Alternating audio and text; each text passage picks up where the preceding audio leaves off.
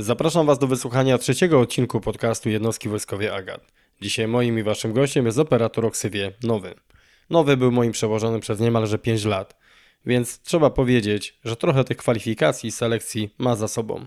Dlatego ten odcinek poświęcimy właśnie kwalifikacjom i cały czas będziemy kręcić się wokół tematu selekcji, lecz bardziej pod kątem kształtowania lidera. Nowy chyba jest najbardziej kompetentną osobą w jednostce, aby wypowiadać się właśnie na ten temat. Zapraszam Was do wysłuchania tej audycji. Kolejny podcast JW Agat. Dzisiaj gościmy nowego. E, Postaram się Wam przybliżyć jego sylwetkę tak pokrótce, a może w sumie nowy sam coś e, o sobie powie. E, Cześć nowy. No witam, cześć. Powiedz od kiedy jesteś w JW Agat. W jednostce wojskowej Agat jestem od 6 lat.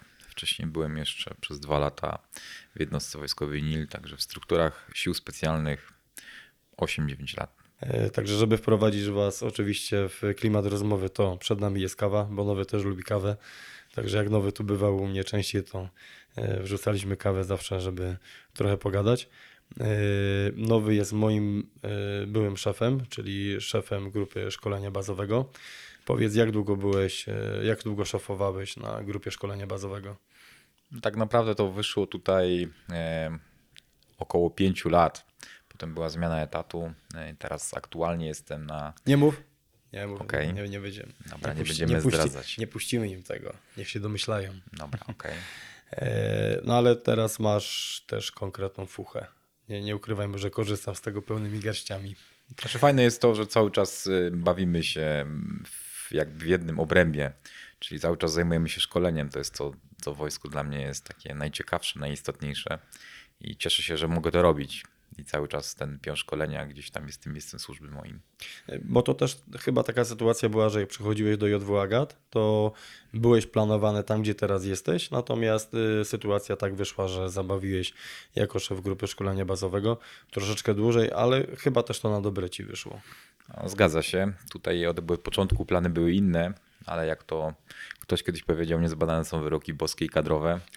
Także w naszej służbie różnie bywa. No i często też jest tak, że, że te wyzwania, które przed nami stawia służba, no niestety trzeba e, przyjąć e, z podniesioną głową. No i tak też tutaj w moim przypadku było. Yy, Okej, czyli 5 lat na grupie szkolenia bazowego. Tutaj zapytam Cię o kwestię Twojego wykształcenia, bo jest ono bardzo ważne w stosunku do tego yy, i tematów, które będziemy dziś poruszać. Jeżeli chodzi o wykształcenie cywilne, to jestem po studiach e, pięcioletnich. To była historia na Uniwersytecie Śląskim, e, potem e, studium oficerskie. No i jeżeli chodzi o, takie dokształcanie się, to udało mi się skończyć studia podyplomowe z zakresu psychologii działań społecznych. I to jest też jakby taka, taka mówię, dziedzina, która wiązała się po części z tym, co robiliśmy tutaj w ramach procesu kwalifikacji naboru do jednostki wojskowej AGAT. Także choćby ze względu na, na to, co robiłem, studia udały się, e, czy były trafione, może tak, tak, tak, to, tak to ujmę. No, zobaczcie, nowy się poprawił, czyli już nie będziemy używać słowa udało się, tylko będziemy mówić trafione, zrobione. Tak. Zobaczcie, że na tym poziomie nawet jeszcze takie słowa można wypowiadać. Ale to dobrze świadczy, znaczy, że są jeszcze mocne rezerwy. Yy, powiedz, yy, odnośnie tego, yy, jakby tutaj kwestie Twojego wykształcenia, chciałbym tu nawiązać do rozmów kadrowych, gdyż będąc szefem, byłeś odpowiedzialny, byłeś obecny przy większości na pewno e, rozmów kwalifikacyjnych osób, które przechodziły e, tutaj do jednostki. Większość z tych osób jest już wcielonych, oczywiście nie wszyscy, ale, ale, ale te, które przeszły pozytywnie e, są w jednostce. Powiedz, e, jak Twoje wykształcenie pomagało w kwestii jakby oceny e, i prowadzenia rozmów kwalifikacyjnych?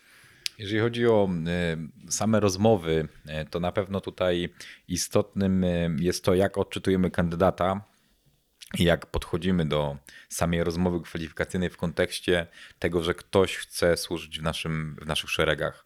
Ja zawsze mówiłem kandydatom, że między wami a nami jest ta różnica, że my w tej jednostce jestem- jesteśmy, a wy do niej aplikujecie. I jakby te przeświadczenie e, dawało mi takie poczucie, że osoba, która do nas e, przychodzi na rozmowę, powinna być przygotowana. Powinna być przygotowana do rozmowy o pracę, chociaż wiadomo, że nie pracujemy, tylko służymy. Ale już jakby ta świadomość tego, że staram się o to, by być w szeregach e, jednostki, e, powinno spowodować u kandydata zainteresowaniem to, w jakim miejscu jest i co go tam czeka, lub skąd te miejsce, czy też instytucja, w tym wypadku nasza jednostka, wywodzi się. To świetnie wpisywało się w kontekst historyczny, stąd y, nie ukrywam, że jednym z koników, które, które popełniałem, było właśnie to, że męczyłem kandydatów z pytań dotyczących y, historii naszej jednostki i tej aktualnej, jak i też tej odnoszącej się do tradycji szaroszeregowych i do okresu II wojny światowej. To jakby jeden aspekt. Natomiast druga kwestia to te umiejętności miękkie, które gdzieś tam udało się kształcić na przestrzeni lat. E, będąc jeszcze jako instruktor harcerski, również zajmowałem się kształceniem. E, Prowadziłem kursy drużynowych, zastępowych, więc jakby ta komunikacja werbalna, niewerbalna, umiejętność odczytywania sygnałów, to jakby potem też udało mi się troszeczkę poszerzyć na, na studiach podyplomowych, była istotna, jeżeli chodzi o, o patrzenie na tego kandydata sposób jego zachowania, sposób jego, jego e, podejścia do rozmowy, jak i też motywacja, bo ona chyba e, tak naprawdę jest najistotniejsza. Jeżeli ktoś nie potrafi wyartykułować motywów, dla których e, stanął w tym miejscu, no to tak naprawdę no mieliśmy już odpowiedź, nie? że ten kandydat nie wie, czego chce. A jeżeli nie wie, czego chce, to nie wiemy, czy on będzie chciał być żołnierzem wojsk specjalnych. Nie wiemy, czy będzie dobrym żołnierzem. O właśnie. E, Wiele kwestii tutaj poruszyłeś. Chciałbym jeszcze troszeczkę się cofnąć y, do tego pierwszego wątku, gdyż mm, wiele osób, które słucha tego podcastu, y, pewnie wyobrażają sobie, że to jest taka, można powiedzieć, łatwa sprawa. Przecież nauczę się mm, właśnie historii jednostki, to nie jest jakby nic trudnego. Natomiast mm, wiemy, że wielokrotnie spotykaliśmy się z sytuacją, że osoba przychodziła i w cudzysłowie ani me, ani b tak naprawdę nie miała nic sensownego do powiedzenia, co dla nas też stanowi pewnego rodzaju problem.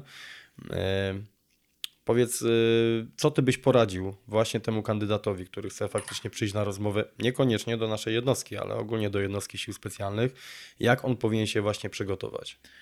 Czy wiesz co, my, Grzegorz, my poszukujemy ludzi inteligentnych.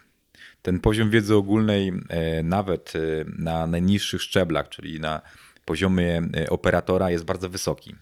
Wystarczy spojrzeć na sytuację geopolityczną, która od e, żołnierza wojsk specjalnych no, wymaga wszechstronnej wiedzy.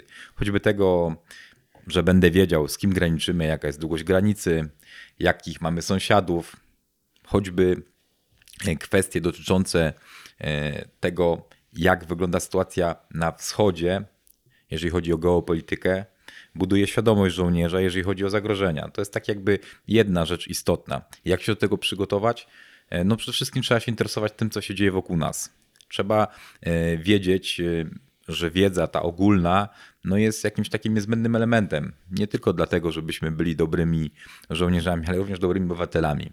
Co do motywacji, no to jeżeli ktoś chce tutaj służyć, no to powinien sobie uświadomić, że są jednostki specjalne, no więc my poszukujemy specjalnych kandydatów jednym z tych takich podstawowych progów, których trzeba przeskoczyć, no to jest ten e, odpowiedni poziom e, inteligencji i wiedzy ogólnej. To tak na wstępie, na początek. Czyli to nie jest tak, że e, osoba jest super sprawna fizycznie, w swoim gronie jest uważana za przekozaka i jakby odpuszcza te elementy, o których właśnie teraz wspomniałeś, sądząc, że no, jestem tak dobry, że i tak jakoś będzie i tak mnie wezmą. No oczywiście ta sprawność jest niezbędna ona jest bazą do tego, żeby założyć sprzęt, pójść na patrol i tak dalej.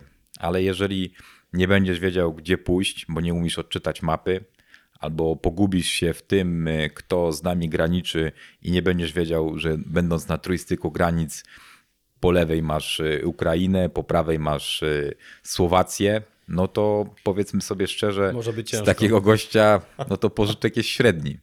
Także fizyka tak, jak najbardziej. Wiemy o tym, że, że ona jest istotna. Wiemy też, e, że w pewnym momencie ta motywacja idzie za, za kandydata. Natomiast no bez e, tej wiedzy no dalej nie pójdziemy, no bo to wyjdzie prędzej czy później. Choćby w przypadku e, tego, kiedy rozpoczyna się proces planowania operacji, no ta wiedza ogólna jest niezbędna. w trakcie rozmów kwalifikacyjnych stawiamy na chwilę obecną takie niezbędne minimum, czyli praktycznie jest szef i na chwilę obecną ten szef no, w dalszym ciągu prowadzi rozmowy w Twoim stylu. Czyli to, o czym Ty mówisz dalej jest wymagane, więc jest to już jakaś wskazówka dla kandydatów, którzy mm, pragną przyjść na rozmowę kwalifikacyjną, aby zasięgnęli tutaj informacji niezbędnych. Jest oczywiście psycholog, jest y, kadrowiec i ewentualnie wchodzi tutaj mm, jeden bądź dwóch instruktorów y, z pionu szkolenia, którzy pod określonym kątem y, obserwują mm, osobę, która pragnie się przyjąć. Czy pamiętasz może jakąś taką rozmowę kwalifikacyjną, czy to na plus, czy na minus, która tak ci w pamięci siadła? Wiesz co, cały czas mam w głowie e, takiego chłopaka, który e, tutaj aplikował do nas, nawet z tego co chyba widzę jest teraz na kursie bazowym.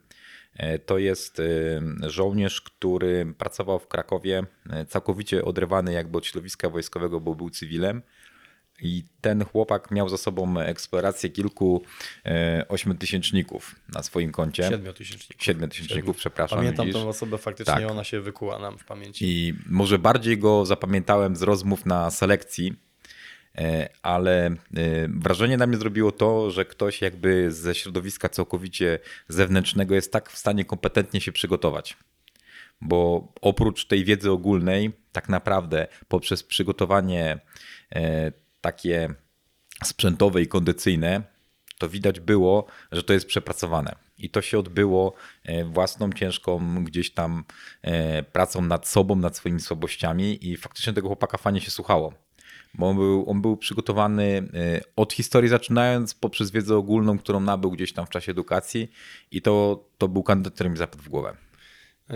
Faktycznie, on jest teraz na mm, bazówce i z niego widać ewidentnie mm, rzuca się w oczy taka skromność, że ten gość jest naprawdę skromny, a jednocześnie jakby wie, czego chce. Ale to, co powiedziałeś, nie zawsze sytuacja, że przychodzi do nas osoba z cywila, jak to się mówi, yy, to, to nie jest tak, że ona jest na gorszym yy, polu, bo niejednokrotnie te osoby są lepiej przygotowane do rozmowy kwalifikacyjnej niż osoby, które są już w służbie w innych jednostkach. To oczywiście nie jest reguła, ale też takie sytuacje się zdarzają.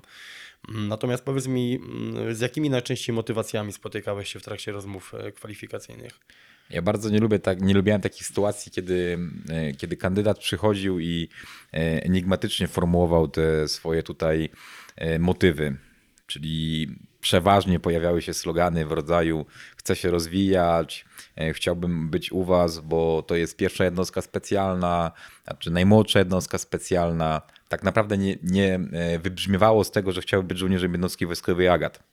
Potem jakby dalszym pytaniem będzie to, czym nasza jednostka się zajmuje, jaki mamy sprzęt, mniej więcej, tak, bo te rzeczy można znaleźć tam na stronie internetowej i co byś chciał robić.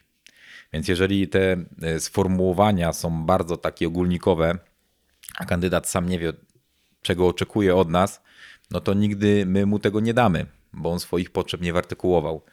I ta e, chęć poznawcza będzie determinowała to, co on tutaj będzie chciał robić. I do tego będzie szła odpowiednia motywacja.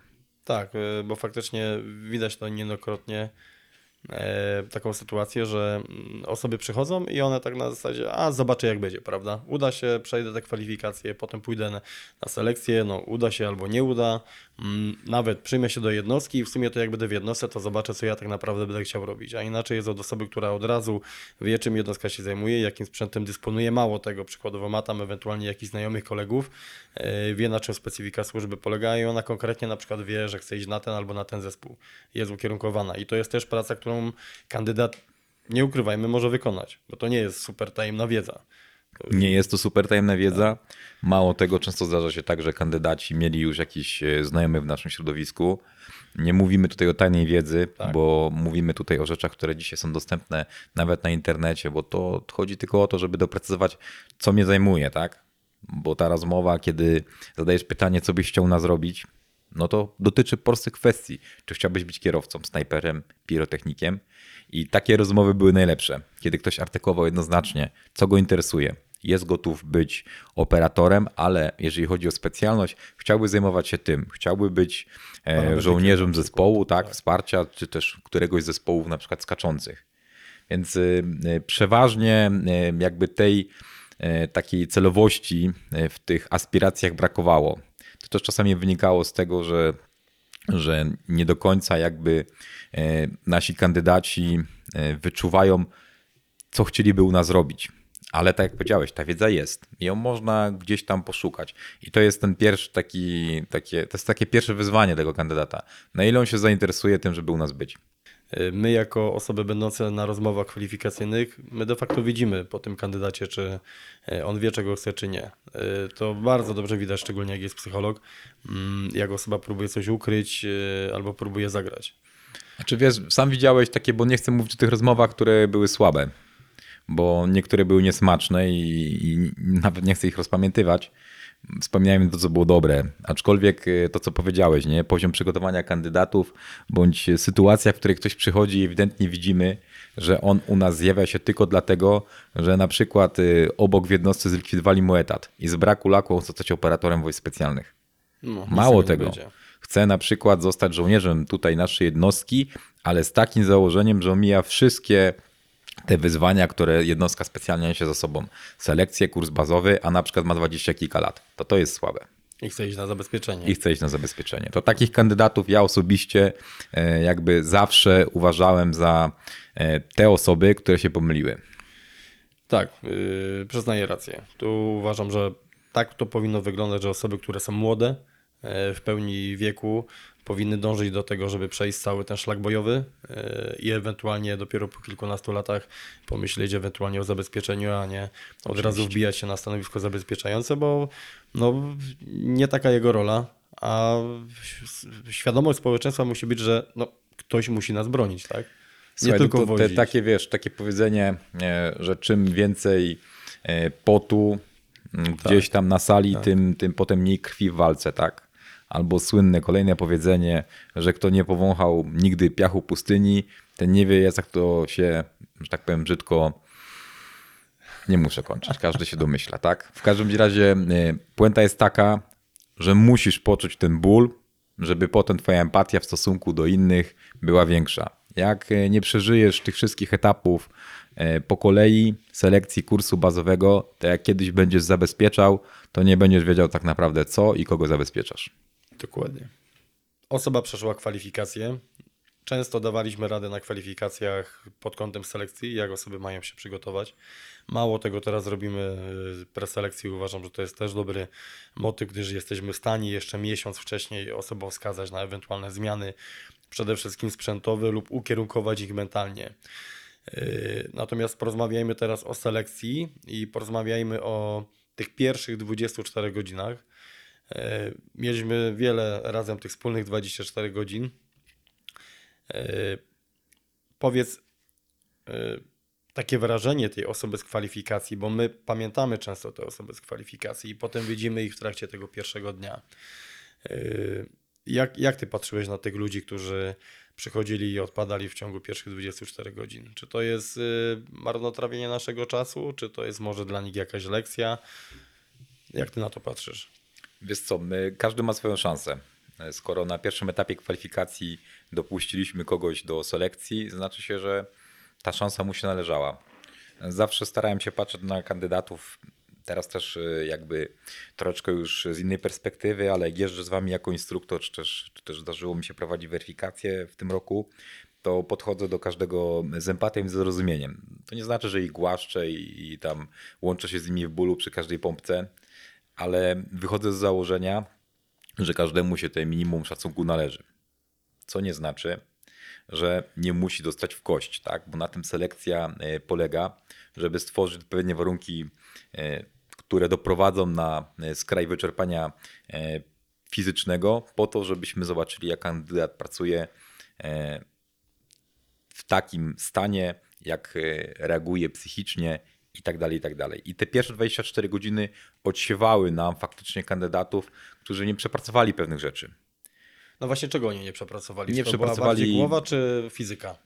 Wiesz Czy co? to i to? E, Przeważnie to się jakoś zespajało. Było widać, bo też e, nieraz o tym rozmawialiśmy, było widać, że kandydat, który przyszedł na przykład jest nieprzygotowany fizycznie. I, I to my byli kandydaci, którzy odpadali na pewno bardzo szybko. Czasami było to e, związane z niewłaściwym doborem sprzętu. Zbyt ciężki plecak, zbyt ciężkie buty, niewłaściwy ten sprzęt i to wychodziło po kilku pierwszych godzinach, tak? Jeżeli chodzi na przykład o kwestie e, mentalne, to uważam, że jeżeli ktoś jest e, mega zmotywowany, to wystarczy mu tej motywacji, nawet jeżeli ma niedobór sprzętu i powiedzmy nie przygotował się kondycyjnie, wystarczy mu tej pary przynajmniej na te przetrwanie tej pierwszej doby. Potem już jakby niedobór kondycji da, da znać. Na pewno wyjdzie. Ale jak ktoś jest zmotywowany bardzo mocno, to jest w stanie pociągnąć. Mówimy tu oczywiście o, o ludziach, którzy są na pewnym poziomie fizycznym, bo wiadomo, że żeby przejść selekcję trzeba być na, na mega poziomie, natomiast żeby do niej przystąpić, no to tak naprawdę e, wystarczy nas przejść kwalifikację, co już jakby na poziomie oceny 4-5 wymaga od kandydata jakiegoś poziomu. Ale, ale też jakby uściślimy, że przejście kwalifikacji na ocenę 4-5 to absolutnie nie jest żadna mm, wyrocznia odnośnie selekcji. Oczywiście, że nie. I nieraz mieliśmy tego przykład. Tak, całkiem inny typ wysiłku. Natomiast e, dla niektórych e, forma selekcji to też mnie dziwi na dzisiaj, bo przecież ta wiedza, e, jak to wygląda, jest tak e, dostępna, że naprawdę można dowiedzieć się, jak wygląda selekcja do jednostki wojskowej, nie tylko naszej. Ale jakby wszystkie te formuły są zbliżone. My też jakby podpatrujemy konkurencję, czy też zaprzyjaźnione jednostki, po to, żeby uczyć się od innych, tak? Jeżeli chodzi natomiast o kandydatów, którzy odpadli pierwszej doby, to rzeczywiście byli tacy, którzy potrafili wyciągnąć z tego wnioski i przychodzili na następną selekcję, przechodzili ją z bardzo dobrymi lokatami. I to budowało i to cieszyło, że, że jest jakaś informacja zwrotna. Byli tacy, którzy więcej po prostu się nie pojawiali i to była chyba ich słuszna decyzja. Natomiast faktycznie, no ja pamiętam kilka takich osób, które odpadły i przyszły i następna selekcja poszła im świetnie. A co powiesz o osobach, które mm, przychodzą pierwszy raz, nie przechodzą, odpadają tam w pierwszym, drugim dniu, yy, przychodzą jeszcze raz? No bo kandydat ogólnie można powiedzieć ma dwie szanse. W szczególnych jakichś tam, naprawdę szczególnych przypadkach, ewentualnie tutaj dowódca może wyrazić zgodę na, na, na trzecią próbę. Yy, natomiast standard jakby to są tutaj yy, dwie próby. I teraz co powiesz o tych osobach, które przychodzą dwa razy z rzędu na takim samym poziomie? Bo ja powiem szczerze, dla mnie to jest strata czasu. Nie? Dla mnie ten gość To jest już czas. strata czasu. Tak. E, Fajnie jest, jak ten kandydat y, po tej pierwszej selekcji, jak odpadł, naprawi te błędy, bo to, to będzie wartościowy kandydat. Tak, bo skoro tak. on On się potrafił uczy. się zmienić, wyciągnął wnioski i uczy się, no to tylko się cieszyć, bo to jest y, rozumny człowiek. Czasami osoba, która odpadła za pierwszym razem, wcale na kursie bazowym nie wypadnie gorzej niż osoba, która za pierwszym razem przeszła tą selekcję od strzała. Także e, osobom takim jak najbardziej mówiłbym tak, natomiast osobom, które nie wyciągają wniosków, no to trzeba powiedzieć krótko, no to pomyłka, to nie te miejsce. Yy, Selekcja wiadomo trwa około 5-6 dni. Mm, Jaki jest procent potem, mm, jakby udział tej głowy, psychiki, yy, im dalej, że tak powiem, wchodzimy w proces tej selekcji? Ile te ciało już poddaje się pod kątem automatu, yy, a w którym momencie w Twojej opinii głowa przejmuje już całkowicie kontrolę? Bo to też jest po części nasz, nasz cel, tak? Wydaje mi się, że e, jakby po tych pierwszych trzech dniach faktycznie dochodzimy do takiego momentu, gdzie ta głowa zaczyna odgrywać olbrzymie znaczenie. Na pewno etapem, e, którym e, już idziesz tylko głową jest maraton. I to widzieliśmy nieraz po kandydatach, że praktycznie byli e, bliscy temu, żeby stracić przytomność. E, Nieraz nawet e, obserwując ich na tych punktach kontrolnych, moglibyśmy stwierdzić, że ten człowiek już nie powinien iść dalej, a mimo tego szedł dalej i przechodził ten, tą selekcję do końca. Były sytuacje, w których tak naprawdę powinniśmy wykluczyć kandydatów ze względu na choćby stan ich stóp, a mimo wszystko oni szli dalej. I wydaje mi się, że to faktycznie e, połączenie e, w takiej konfiguracji, bo wiadomo, że ona jest cały czas e, zmienna i jest elastyczna. Zresztą robimy to z premedytacją. Wydaje mi się, że ten, te ostatnie 48 godzin to już jest dla tych najtwardszych. Czy pogoda ma znaczenie? Olbrzymie. No właśnie ja bym tu podyskutował. Olbrzymie, ale pogoda nie ratuje, może pogorszyć, natomiast nie zmienia zasadniczo tego, czy jesteś przygotowany, czy nie. Tak. Tak, bo wiesz co ja zauważyłem? Ja zauważyłem taką kwestię, że y, były selekcje, gdzie padało po prostu dzień w dzień, noc w noc i statystycznie przechodziło więcej osób niż w sytuacji, gdy była pogoda lepsza. To też y, czasem uważam tak działa, że y, te zewnętrzne czynniki negatywne mogą wyzwolić nas pewnego rodzaju taką determinację, taką motywację, y, że my jakby działamy cały czas troszeczkę sprawnie na obrotach, a jak jest y, to, co mówimy, dochodzi trochę y, leniwa, fajna pogoda, to potrafi nas troszeczkę uśpić. Zgadzam się. E, Na pewno e, zmienna pogoda e, będzie wymagała od kandydatów takiej gotowości. Natomiast do dzisiaj wspominam selekcję taką, gdzie padało przez 6 dni i mam wrażenie, że ktoś odkręcił kurek z wodą w poniedziałek i zakręcił go w Tak, piątek. Tak, to wtedy co po prostu przechodziliśmy po kolana w błocie. Tak, tak. No to ta ekipa była wyjątkowo twarda. No i to, co mówisz, no faktycznie tam już ludzie od samego początku działali na automatyzmie. Tam nie było miejsca dla osoby, która nie była pewna, po co, po co tutaj przyszła. Faktycznie mocna ekipa wtedy była i, i przeszli y, goście, którzy byli naprawdę zmotywowani. No, czyli Oni, wiesz, oni i tak by przeszli każdą inną selekcję, Tak, przypuszczam, tak, tak, tak. Tylko szybciej odpadły te osoby, które po prostu nie powinny tej selekcji ukończyć, bo one odpadły tak naprawdę po pierwszych 12 godzinach. ja pamiętam, że e, szliśmy wtedy i aż nam po prostu było żal, Tak. e, że jest taka pogoda, no bo my jako instruktorzy pracujemy już e, w komfortowych warunkach, nie musimy się już tam nie wiadomo jak w cudzysłowie oczywiście napinać, więc e, mamy możliwość, e, aby te rzeczy nasze wyschły. Mi się Tak. przypomina ten nocleg taki, który, który mieli e, przy wejściu tam na Jaworzec. E, I no do dzisiaj po- wspominam, jak szukaliśmy miejsca, w którym mogliby się położyć, ale wszędzie były takie kałuże, że takiego miejsca nie było. No i oni musieli spać w tych kałużach. No. Także no to było, to było takie, taka jedna selekcja, która rzeczywiście e, jakby była, e, jeżeli chodzi o warunki, tragiczna. Wyjątkowa. Natom- I wyjątkowa. Natomiast y, też dobrze wiesz, że my podchodzimy do tematu elastycznie. Więc nie zawsze jest tak, że selekcja, w której będą piękne warunki, będzie łatwiejsza, dlatego że wtedy zwiększa się kilometraż. Tak, tak. To osoby muszą być świadome, że mm, dana forma selekcji, którą wytypujemy na dany rok y, na podstawie tam rekonesansów, e, oczywiście jakiś plan, plan jest, ale to jest wszystko e, płynne, więc y, jeżeli są osoby, które chciałyby przyjść na selekcję, ale patrzą, że e, nie wiem, dostały zaproszenie i już są nastawione, że idą, ale nagle potem patrzą, że pogoda będzie zła, i rezygnują, bo były takie sytuacje, to absolutnie bym się w ogóle tym nie kierował. Albo jestem przygotowany na każde warunki i zostawiam to sobie, takiej motywacji, determinacji, nie wiem, Panu Bogu, e, albo tak naprawdę w ogóle niech nie zaprzątam głowy, nie? Znaczy to co mówisz, no, że ta pogoda jakby y, jest zawsze, tak? Pogoda jest stanem, nie? Czasami jest dobra, czasami jest zła. To nie zmieni twojego stopnia przygotowania sprzętowego, kondycyjnego, ale przede wszystkim nie zmieni też motywacji. Albo jesteś przygotowany do selekcji, idziesz po to, żeby ją przejść, albo możesz rzeczywiście faktycznie nie wychodź z domu. Dokładnie. No i tak kręcimy się, kręcimy wokół tej selekcji i, i wszystkich jakby tych, tych tematów e, około, ale chcemy Was uświadomić w kwestii, jak to wszystko wygląda, żebyście mieli jakiś tutaj światopogląd, bo przerobiliśmy przez 10 lat tego naprawdę wiele, wiele. I teraz chyba porozmawiamy o y, najważniejszym temacie, który też po części był powodem, dla którego ja w ogóle odpaliłem tego podcasta i też y, swój jakby podcast Mental w Górach. Mm, Mental, głowa, y, kształtowanie lidera, to ewidentnie widzimy potem także podczas szkolenia bazowego i to jest prawdopodobnie kierunek, który my gdzieś tam może kiedyś z nowym przyszłości otworzymy, bo widzimy tutaj bardzo duże mm, pole do popisu.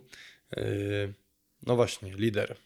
Mm, Czemu jest na chwilę obecną taka sytuacja, że ludzie boją się być yy, liderem? I to ewidentnie widać nie tylko na selekcji, gdy dajemy poszczególne zadania, ale nawet w trakcie yy, szkolenia bazowego, czy po prostu na co dzień. Jest takie mądre sformułowanie, y, które e, powiedzmy bardzo jest popularne w środowisku e, oficerów. Dzisiaj e, wymaga się od oficera, żeby nie mówić naprzód, tylko za mną. Jakbyśmy odnieśli to do tego wszystkiego, co dzieje się społecznie, to jakby odpowiedzialność związana z tym, że przywodzę, paraliżuje ludzi.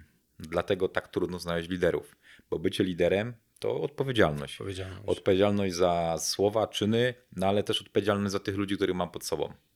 A ludzie się e, boją odpowiedzialności, bo ona jest wyzwaniem. I dlatego e, tak ciężko jest e, wypracować pewne rzeczy u potencjalnych kandydatów, bo często, gęsto wiąże się to z indywidualnymi predyspozycjami. No bo ten lider to nie zawsze będzie osoba, która koniecznie przywdziała epolety oficerskie na swoich pagonach. Czasami liderem w grupie okazuje się, i to całkowicie przypadkiem, e, osoba, którą byśmy o to nie posądzali z tytułu posiadanego stopnia. Może to być starszy szeregowy, może to być kapral. Nieraz widzieliśmy w czasie zadań grupowych, gdzie pracowaliśmy nad liderem, że inicjatywę przyjmował ktoś, który z założenia będzie miał inne stanowisko. Co nie znaczy, że, że pozostanie na nim do końca służby. Więc y, bycie y, liderem, bycie przywódcą nie zawsze związane jest z tym, że y, dowodzisz, tak? Z drugiej strony, żeby być liderem, trzeba mieć to coś. Mówimy o tym e, często, gęsto, że jest to charyzma, mówimy o tym, że są to predyspozycje do tego, żeby przewodzić w grupie, ale tak to właśnie wygląda. Ale czy, nie- jest, czy jest to coś, nad czym my możemy pracować? Oczywiście. E, Oczywiście, że możemy. Oczywiście, że e, pewne rzeczy i techniki, które dzisiaj e, są bardzo popularne, bo tych szkoleń dotyczących coachingu, dotyczących e, umiejętności komunikacji werbalnych, umiejętności miękkich ogólnie jest bardzo dużo. Tak? Możemy wypracować różne metody, ale przede wszystkim pierwszą jakby rzeczą, która będzie istotna w byciu liderem, to jest przyjęcie odpowiedzialności. I tutaj to jest chyba najistotniejsza kwestia. Okej, jakby faktycznie to jest jakby, masz całkowitą rację. Natomiast myślę, że skrócę tutaj mm, ten wątek do jednego głównego pytania e, i stwierdzenia. Liderzy kreują liderów. To tak jak zwycięzcy kreują zwycięzców. Powiedz mi, kto był Twoim pierwszym liderem w Twoim życiu? Wiesz co, ja jakby wychowywałem, wychowywałem się e, w oparciu o harcerstwo. Moim pierwszym, e, pierwszym liderem, bo jakby nigdy e, superbohaterów sobie nie wybierałem, moim pierwszym takim liderem był mój drużynowy. No właśnie, i poświęćmy trochę tutaj tego czasu, mm, rozmawiając na ten temat, gdyż y, to nie jest tak, że osoba przychodzi e, na szkolenie bazowe i my zrobimy z niego super lidera. To, co powiedziałeś, to wszystko dzieje się wiele, wiele, wiele lat temu. Często tym pierwszym liderem może być tata, może być wujek, może być kuzyn, może być właśnie drużynowy, może być trener, może być każda inna osoba, która zrobi na nas wrażenie. Najważniejsze jest to, żeby to wrażenie było pozytywne, bo wtedy idzie pozytywny przekaz. Mm, Jak właśnie wspominasz czasy harcerstwa? Bo niejednokrotnie rozmawialiśmy o tym, że to jest coś, co na chwilę obecną troszeczkę zaginęło i wielka szkoda.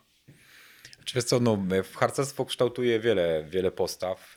No dzisiaj dalej jakby organizacja działa, boryka się z różnymi problemami. Na pewno to, co powiedzieliśmy, dobór liderów jest e, wyzwaniem e, i to nie tylko jakby w, w naszej służbie, ale również w tych organizacjach społecznych. Jeżeli chodzi o to, co ja osobiście jakby wyciągnąłem z harcerstwa, to będąc na różnych tam stanowiskach, pełniąc różne funkcje, na pewno nauczyłem się jednego, że żeby przywodzić, to trzeba dowodzić. I ten autorytet ja sobie tak jakby dzieliłem na, na, na trzy rodzaje. Zresztą tak gdzieś podobno książkowo jest to zapisane.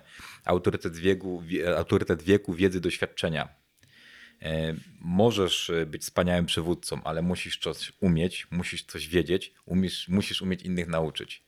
Te takie rzeczy, które, które gdzieś tam mi zostały z tyłu głowy i które mi zawsze przyświecały, będąc dowódcą czy realizując różne zadania gdzieś tam poza granicami kraju, e, to między innymi to, że to, co wymagasz od innych, musisz umieć wymagać od siebie.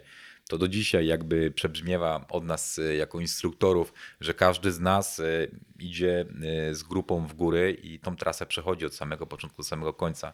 Mało tego, nie ma osoby, która jest instruktorem na selekcji, która nie ukończyła tej selekcji. I to jest ta święta zasada. To, co wymagasz od siebie, musisz być, e, znaczy to, co wymagasz od innych, musisz umieć e, wymagać od siebie. Nie? No i też to są osoby, które y, stanowią pewnego rodzaju trzon tutaj jednostki. Staramy się dobierać, Tak. jeżeli chodzi o instruktorów na selekcję, te osoby, które naprawdę są w stanie swoim, swoją postawą dać dobry przykład. Mm, A jeszcze cofnijmy się, powiedz mi, co ten twój drużynowy miał takiego w sobie, że mm, jakby ty zacząłeś iść w tym kierunku? Znaczy na pewno miał niesamowitą charyzmę. I to magia jego jakby osobowości, miał tą powiedzmy sobie unikatową, e, unikatowy dar, że przyciągał do siebie ludzi, e, nawet nie będąc do końca tego świadomym. E, na pewno miał wiedzę. Potem gdzieś tam poszedł e, w kierunku leśnictwa e, i ta wiedza z niego emanowała. I to była ta wiedza taka, która, która dla chłopaka, który miał tam kilkanaście lat, była tym czymś, co poszukiwał, bo to wszystko wiązało się z pracą w terenie. Zaczynając od podchodów e, poprzez obróbkę drzewa, wszystko to, co mi na tamten czas się podobało, wiedział i umiał.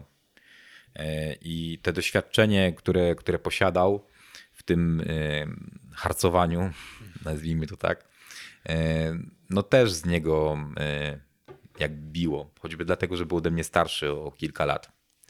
No i ten wzajemny szacunek, wysokie wymagania, bardzo wysokie wymagania. Ja pamiętam, że potrafiłem być rozliczany na odprawach e, już będąc drużynowym. E, Bardzo poważnie, mając wtedy po kilkanaście lat, e, miałem zadania, które musiałem wykonać i, i potem na odprawie musiałem raportować, co zrobiłem. Dzisiaj widzę ten problem wśród młodzieży, bo gdzieś tam cały czas mam kontakt z tą młodzieżą. Widzę, że e, bardzo ciężko jest zadaniować te dzieciaki, bo jak zaczynasz ich rozliczać, to wychodzą z założenia, że się ich czepiasz, albo na przykład, że e, ta presja tego dowodzenia jest zbyt duża.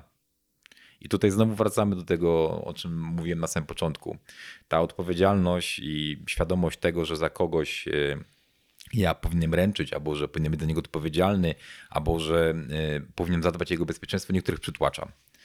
No i, i ten lider, e, ten lider musi mieć to coś. To, to, to, to jest jednak, e, jednak istotne. Zastanawiam się, czy y, chwilę obecną w dzisiejszych czasach, czy my na potrzeby y, swojego y, jakichś poglądów nie zmieniamy regułek znaczenia danych wyrazów.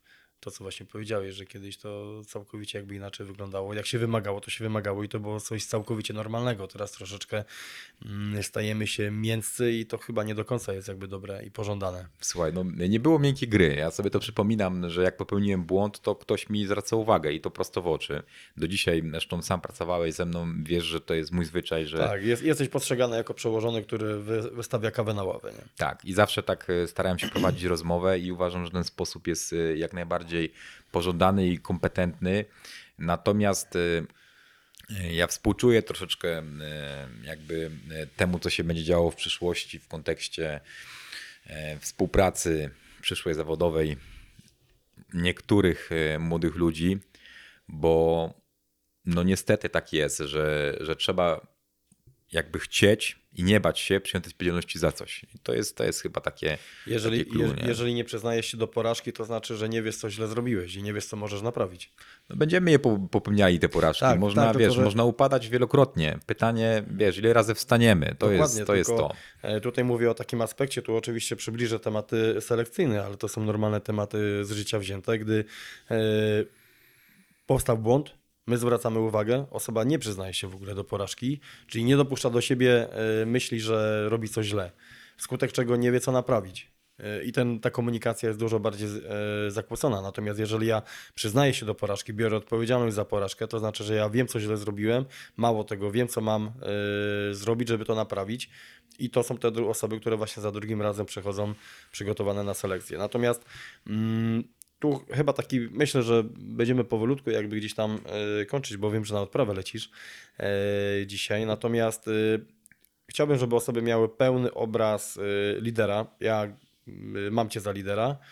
Mm, Jesteś postrzegany na jednostce jako osoba z bardzo dominującym charakterem, ale konkretna, tak? E, To, co właśnie powiedzieliśmy, która wykłada kawę na ławę, e, która nie oszukuje, która mówi w oczy jak jest, która wymaga, ale jednocześnie wymaga też dużo od siebie. Więc y, jak ja zawsze miałem taki, mm, kogo bym wziął na robotę, E, to było moje takie motto, że moim przyjacielem jest osoba, którą biorę na robotę i jakby ty zawsze w tym gronie Dziękuję Ci osób- bardzo, bardzo ty zawsze w tym gronie osób się liczyłeś, że jakbym jechał na robotę, gdzie byłoby ciężko, to zawsze bym chciał mieć ciebie jakby u swojego boku. E, jak naszego poprzedniego gościa, naszego wspólnego szefa. E, Natomiast masz e, za sobą kilka misji bojowych. Powiedz mi tylko, ile to jest misji? Znaczy są dwie misje Dwie tak misje. naprawdę, więc kilka to może za dużo powiedziane, ale na pewno jest to olbrzymie doświadczenie, tym bardziej, że jakby jedną i drugą misję faktycznie udało mi się spędzić na stanowisku tako, takim typowo bojowym, bo, bo byłem dowódcą plutonu szturmowego. I no, nie będziemy tu zdradzać jakby konkretów, ale dochodziło do e, różnych sytuacji e, skrajnie niebezpiecznych. Powiedz mi, jak te e, właśnie rzeczy, które ty wyniosłeś z karcerstwa, potem które przełożyłeś sobie w trakcie procesu szkolenia i na studiach oficerskich, powiedz mi, jak to się potem przekładało właśnie na dowodzenie mm, zespołem w sytuacji skrajnie niebezpiecznej? Znaczy wiesz co, jakby żołnierze wymagają od tego, żebyś e, dowodził, żebyś był decyzyjny. Najgorsza decyzja to brak decyzji, więc jeżeli coś się działo i pojawiała się cisza e, na radiu, no to to było krępujące. No bo trzeba było e, rozdawać zadania, trzeba było działać i to jest istotne też. I tak jakby przywołać tutaj nasze selekcje, to my też w pewnym momencie dostrzegliśmy, że z tym kandydatem na przyszłego dowódcy sekcji, czyli potencjalnie z tym oficerem musimy troszeczkę inaczej pracować troszeczkę inne zadania powinniśmy mu stawiać. Powinniśmy też go widzieć w tej grupie i obserwować go pod kątem tych predyspozycji. Jak on się odczyta potem gdzieś tam jako dowódca sekcji, dowódca grupy, czy on będzie w stanie stawiać zadania, czy on będzie w stanie rozliczać swoich ludzi, organizować pracę. I te y, rzeczy są istotne i to też gdzieś tam na pewno y, jakby y, służąc poza granicami kraju, no one były mega ważne, no bo tutaj każdy błąd jakby był rozliczany na bieżąco. Więc na pewno, e, na pewno umiejętność stawiania organizacji, e, stawiania zadań organizacji pracy, e, własny przykład, wymaganie tego, co wymagam od innych, również od siebie. No i taka, mówię, gdzieś tam odpowiedzialność, tak? Nie tylko w tych chwilach, kiedy było fajnie, ale też kiedy, no nie powiem, że trzeba było kogoś przytulić, nie, ale ktoś mógł mieć słabszy dzień, ktoś mógł mieć lepszy, lepszy dzień i ta umiejętność reagowania na takie sytuacje jest mega istotna. Jesteś także instruktorem e, spadochroniarstwa.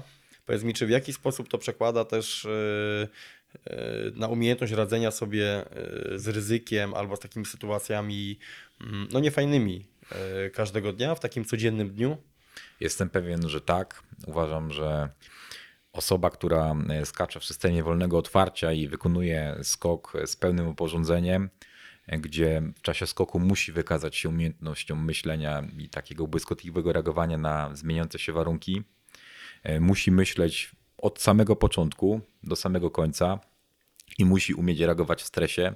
Na pewno są niezbędną umiejętnością e, tutaj e, w naszej jednostce dla operatorów, wykonywanie skoków oczywiście, ale no, na pewno ta kontrola e, swojego działania w stresie jest przydatna również w życiu.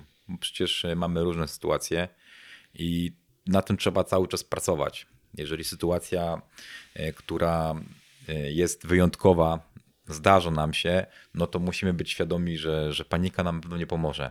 Gdzieś tam te skoki jakby stwarzają sytuacje, w których no po prostu musisz w stresie myśleć. Myślę, że to potem się gdzieś tam na nasze życie mm, przekłada. Wiesz co, myślę, że jest właśnie tak, e, takie podejście do tematu, że jeżeli otarłeś się w życiu o niebezpieczeństwo w służbie e, czy w trakcie szkolenia, bo tak też oczywiście może być i niejednokrotnie tak jest, mm, to potem w sytuacji takiego codziennego życia, gdy masz problemy, a wszyscy je mamy, e, to ja sobie czasem mówię, ale Grzesiek, spokojnie, nie? tu się nic nie dzieje, tu za chwilę mm, nie ma sytuacji zero-jedynkowej, że albo się uda, albo nie uda, nie? więc sobie czasem mówię, spokojnie, y, wyluzuj się, to nic się tutaj nie dzieje, nie? Natomiast mamy taką zdolność też czasem e, do zbyt nadmiernej e, przywiązywania uwagi do błahych rzeczy, nie? Gdzie Na to- pewno, gdzie na pewno. Myślę, że tutaj też e, ważnym jest to e, i to jest jedna taka, jedna z specyfik naszej służby, to jest to, że my szukamy rozwiązań. Mimo tego, że e, jakby te okoliczności zewnętrzne są niesprzyjające, to staramy się dążyć do tego, żeby rozwiązać problem. Bo jakby e, rozczulanie się nad tym, że jest źle, nic nie zmieni będąc w różnych sytuacjach, trudnych sytuacjach, tak jak powiedziałeś, w trakcie służby, zaczynając od gór, przechodząc przez selekcję, e, skoki, czy też techniki linowe i różnego rodzaju wyzwania, e, jakby służba uczy nas tego, że nie wolno się poddawać i trzeba szukać rozwiązania. No bo tych sytuacji stresowych, trudnych mieliśmy tam trochę na swoim koncie, jedni mniej, drudzy więcej. Każda była inna i jakby nie deprecjonuję roli tutaj nikogo. No natomiast y, te wyzwania służby y, sprawiają, że jesteśmy ludźmi e, silniejszymi. Oczywiście to, co powiedziałeś tutaj, ta praca nad sobą, y, jakby y, próba cały czas rozwoju osobistego i gdzieś tam wyrzucanie tych słabości, ale może najpierw ich świadomość, nie? Powodują, że jesteśmy w stanie być lepszymi ludźmi, lepszymi żołnierzami. Także no, to, żeby tutaj być, to jest jedno, ale żeby utrzymać jakiś poziom, to jest już całkowicie inna sprawa. Chyba lepiej nie podsumowałbym tej y, rozmowy. Y, niech podsumowaniem jest właśnie kwestia, że y, bądźmy ludźmi, którzy szukają rozwiązań, a nigdy problemów. Dziękuję bardzo. Dzięki, dzięki nowy za Miło było. rozmowę.